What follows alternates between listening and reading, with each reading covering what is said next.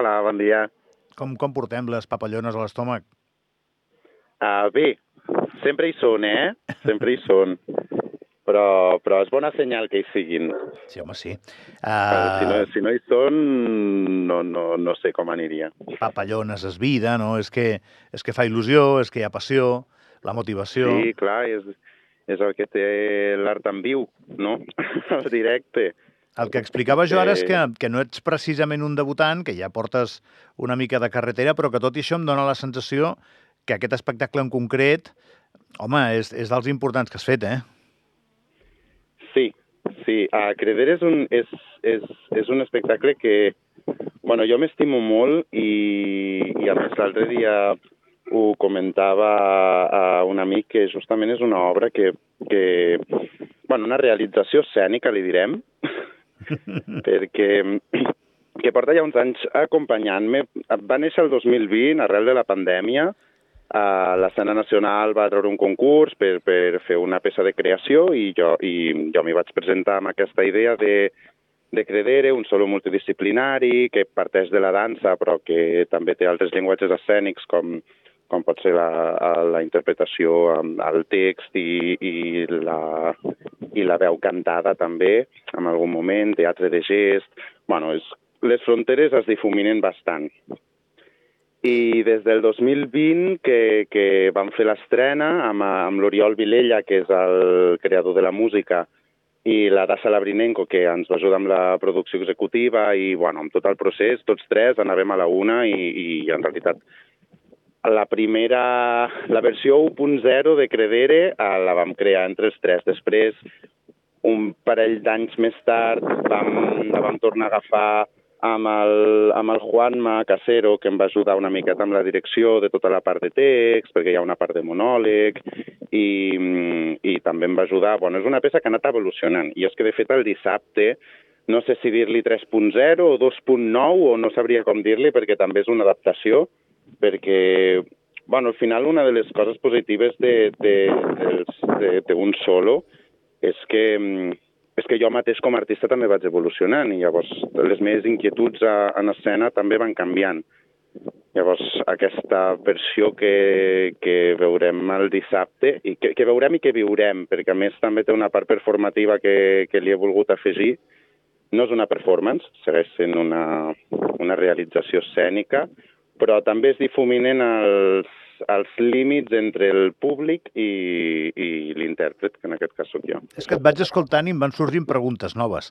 Quina seria la diferència? És una discussió semàntica, imagino, entre performance i realització escènica. Sí, una miqueta, perquè mm, diguéssim que ara últimament... Bueno, ara estic estudiant a l'Institut del Teatre, llavors, evidentment, mm, estic absorbint moltes coses i molts coneixements i, i, i també em sorgeixen moltes preguntes a mi a mesura que vaig avançant. Uh, i, I una de les coses amb les que volia fer èmfasi amb, amb, aquesta, amb la realització del dissabte era, era això, era mm, com puc fer que el públic hagi de prendre decisions també. No estem parlant d'un escape room, evidentment, ni d'una ni d'una performance com a tal a lo Marina Abramovic, però, um, però bueno, sí que el públic no tindrà la comoditat almenys en tota l'estona que se sol tenir com a públic, no? que és aquesta zona de confort amb la que tu t'asseus i deixes que facin el que hagin de fer en escena i al final aplaudeixes i te'n vas, no? sinó que, que bueno, el públic també té una, una posició important, sobretot que és que dins de, del concepte de la peça ja, ja, ja es parteix d'aquesta idea de l'individu enfront d'un mur social. Llavors, el públic pot ser mur social, alhora que ells, ells i elles mateixos i mateixes també seran interpel·lats com aquest individu que està dins d'una societat, dins d'un sistema molt complex que a vegades ens costa d'entendre no? i de trobar un sentit. És, en realitat és una miqueta un, un discurs un pèl, un pèl existencialista simplement per despertar preguntes i, i, i inquietuds a, a, a la gent. Xavi, tu, tu, paradigma... anava a preguntar-te, tu, tu originalment ets un ballarí. Sí. Bueno, Pe- jo originàriament no, no sé què sóc. sóc Sí, humà, bueno, jo, persona. jo crec que... Sí, home, ja, ja. Suposo que et van parir persona i després et vas tornar ballarí. Sí, m'imagino. No, no sé si hi ha mares que, que encara que donin a llum a ballarins. Seria molt elaborat, això. No, però ha, hi ha manipulació genètica, no m'ha arribat a tant. El, el tema és que eh, amb el temps t'has convertit en un artista diferent, eh, amb més arestes i amb, amb, amb més possibilitats. I suposo que aquest espectacle sí. eh, igual és a, a, aquell en el que, perquè a més dirigeixes, l'has pensat tu i l'interpretes tu, és, és aquell en el que has trobat la manera d'expressar-te, imagino. Sí, sí, completament. O sigui, jo quan uh, m'enfronto a la creació de Credere, potser enfrontar-se no és el verb, però quan, quan, quan agafo Credere és, és, és, soc jo i, i és com evoluciono jo i, i, i al final hi ha una part també d'autoficció dins de la pròpia peça amb la que també es difumina el límit de mm, el, el, és el Xavi que està ballant o està fent un personatge o és el personatge que ens parla a través del cos de l'intèrpret. Aquests límits també els, els estic buscant una miqueta. I, clar, evidentment, per mi aquesta peça és... és bueno, no sé, o sigui, jo me l'estimo molt i alhora també pot arribar a ser un malson, perquè al final no deixes d'exposar-te, no? I si proves coses noves que surten una miqueta, Andorra, um, que, que, que bueno, pues, um, hi ha llenguatges que no, que no se solen veure i, i que potser sorprenen una mica, però, però bueno, espero que sorprenguin de manera positiva. Sísif és un personatge de ficció? Mm, també és un clàssic, no? És un, és un mite grec. Uh, què és exactament? Aplicat al teu, a, a la teva creació? Parteixo del mite de Sísif, per això et demano. Um, a més, sí, a més amb aquesta, que és, a, que, és, que és aquest personatge de la mitologia grega, que és castigat pels déus a arrastrar una pedra a muntanya amunt i quan arriba al cim la, la, la pedra torna a caure fins a baix i aquest és el seu càstig, no?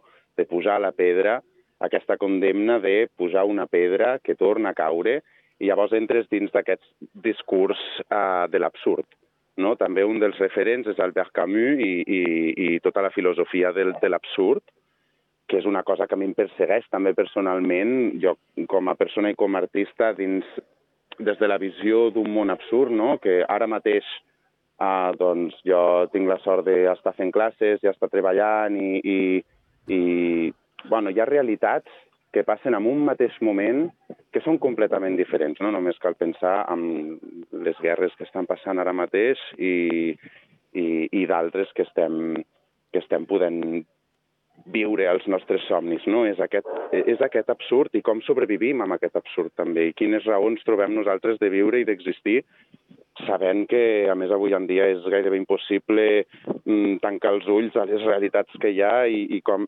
com sobrevivim amb això? O almenys plantejar-nos plantejar-nos una manera que la meva manera és convidar a, a fer xarxa, a que la societat i la comunitat és una, és una base no? per, per poder avançar. No, no et robo més temps, Xavi. Uh, hem, hem accedit una mica a la teva agenda durant tota la setmana per, per poder pactar l'entrevista i, i hem vist que, sí. que curres molt. O sigui, que, que seràs l'estrella d'aquest espectacle, que, com hem dit, l'has ideat, uh, l'interpretes i el dirigeixes, però al mateix temps et passes la setmana pencant. Fas moltes classes... Uh, dir, això de l'art, eh, quan t'aplaudeixin eh, demà l'espectacle, suposo que estaràs molt satisfet, però, però igualment, durant la setmana les garrofes les has de guanyar igualment, no? Sí, sí, sí.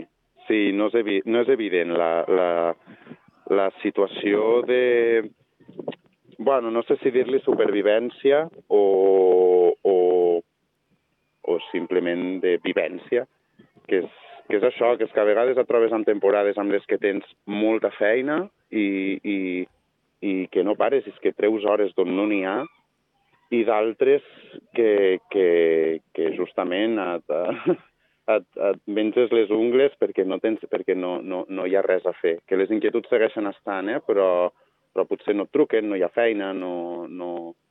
I, bueno, la, la inquietud de l'artista jo crec que sempre hi és i al final sempre busques maneres de seguir creant, el cervell, el cap està allà sempre pensant i, i, i, donant, i donant voltes a nous projectes i a noves coses, però, però sí, el paradigma de, de l'escena i del món de la cultura és, és, és complicat. Moltes vegades també, i per això hi ha una miqueta d'autoreferència dins de la pròpia peça de Credere, no? que, és, que és aquest absurd de, de treballar molt per alguna cosa que no saps si arribarà a cap lloc, tampoc, saps? I, i, i com trobes el convenciment amb tu mateix d'estar de, fent el que t'agrada i seguir per, per on vols tirar o per on el cor et diu de tirar.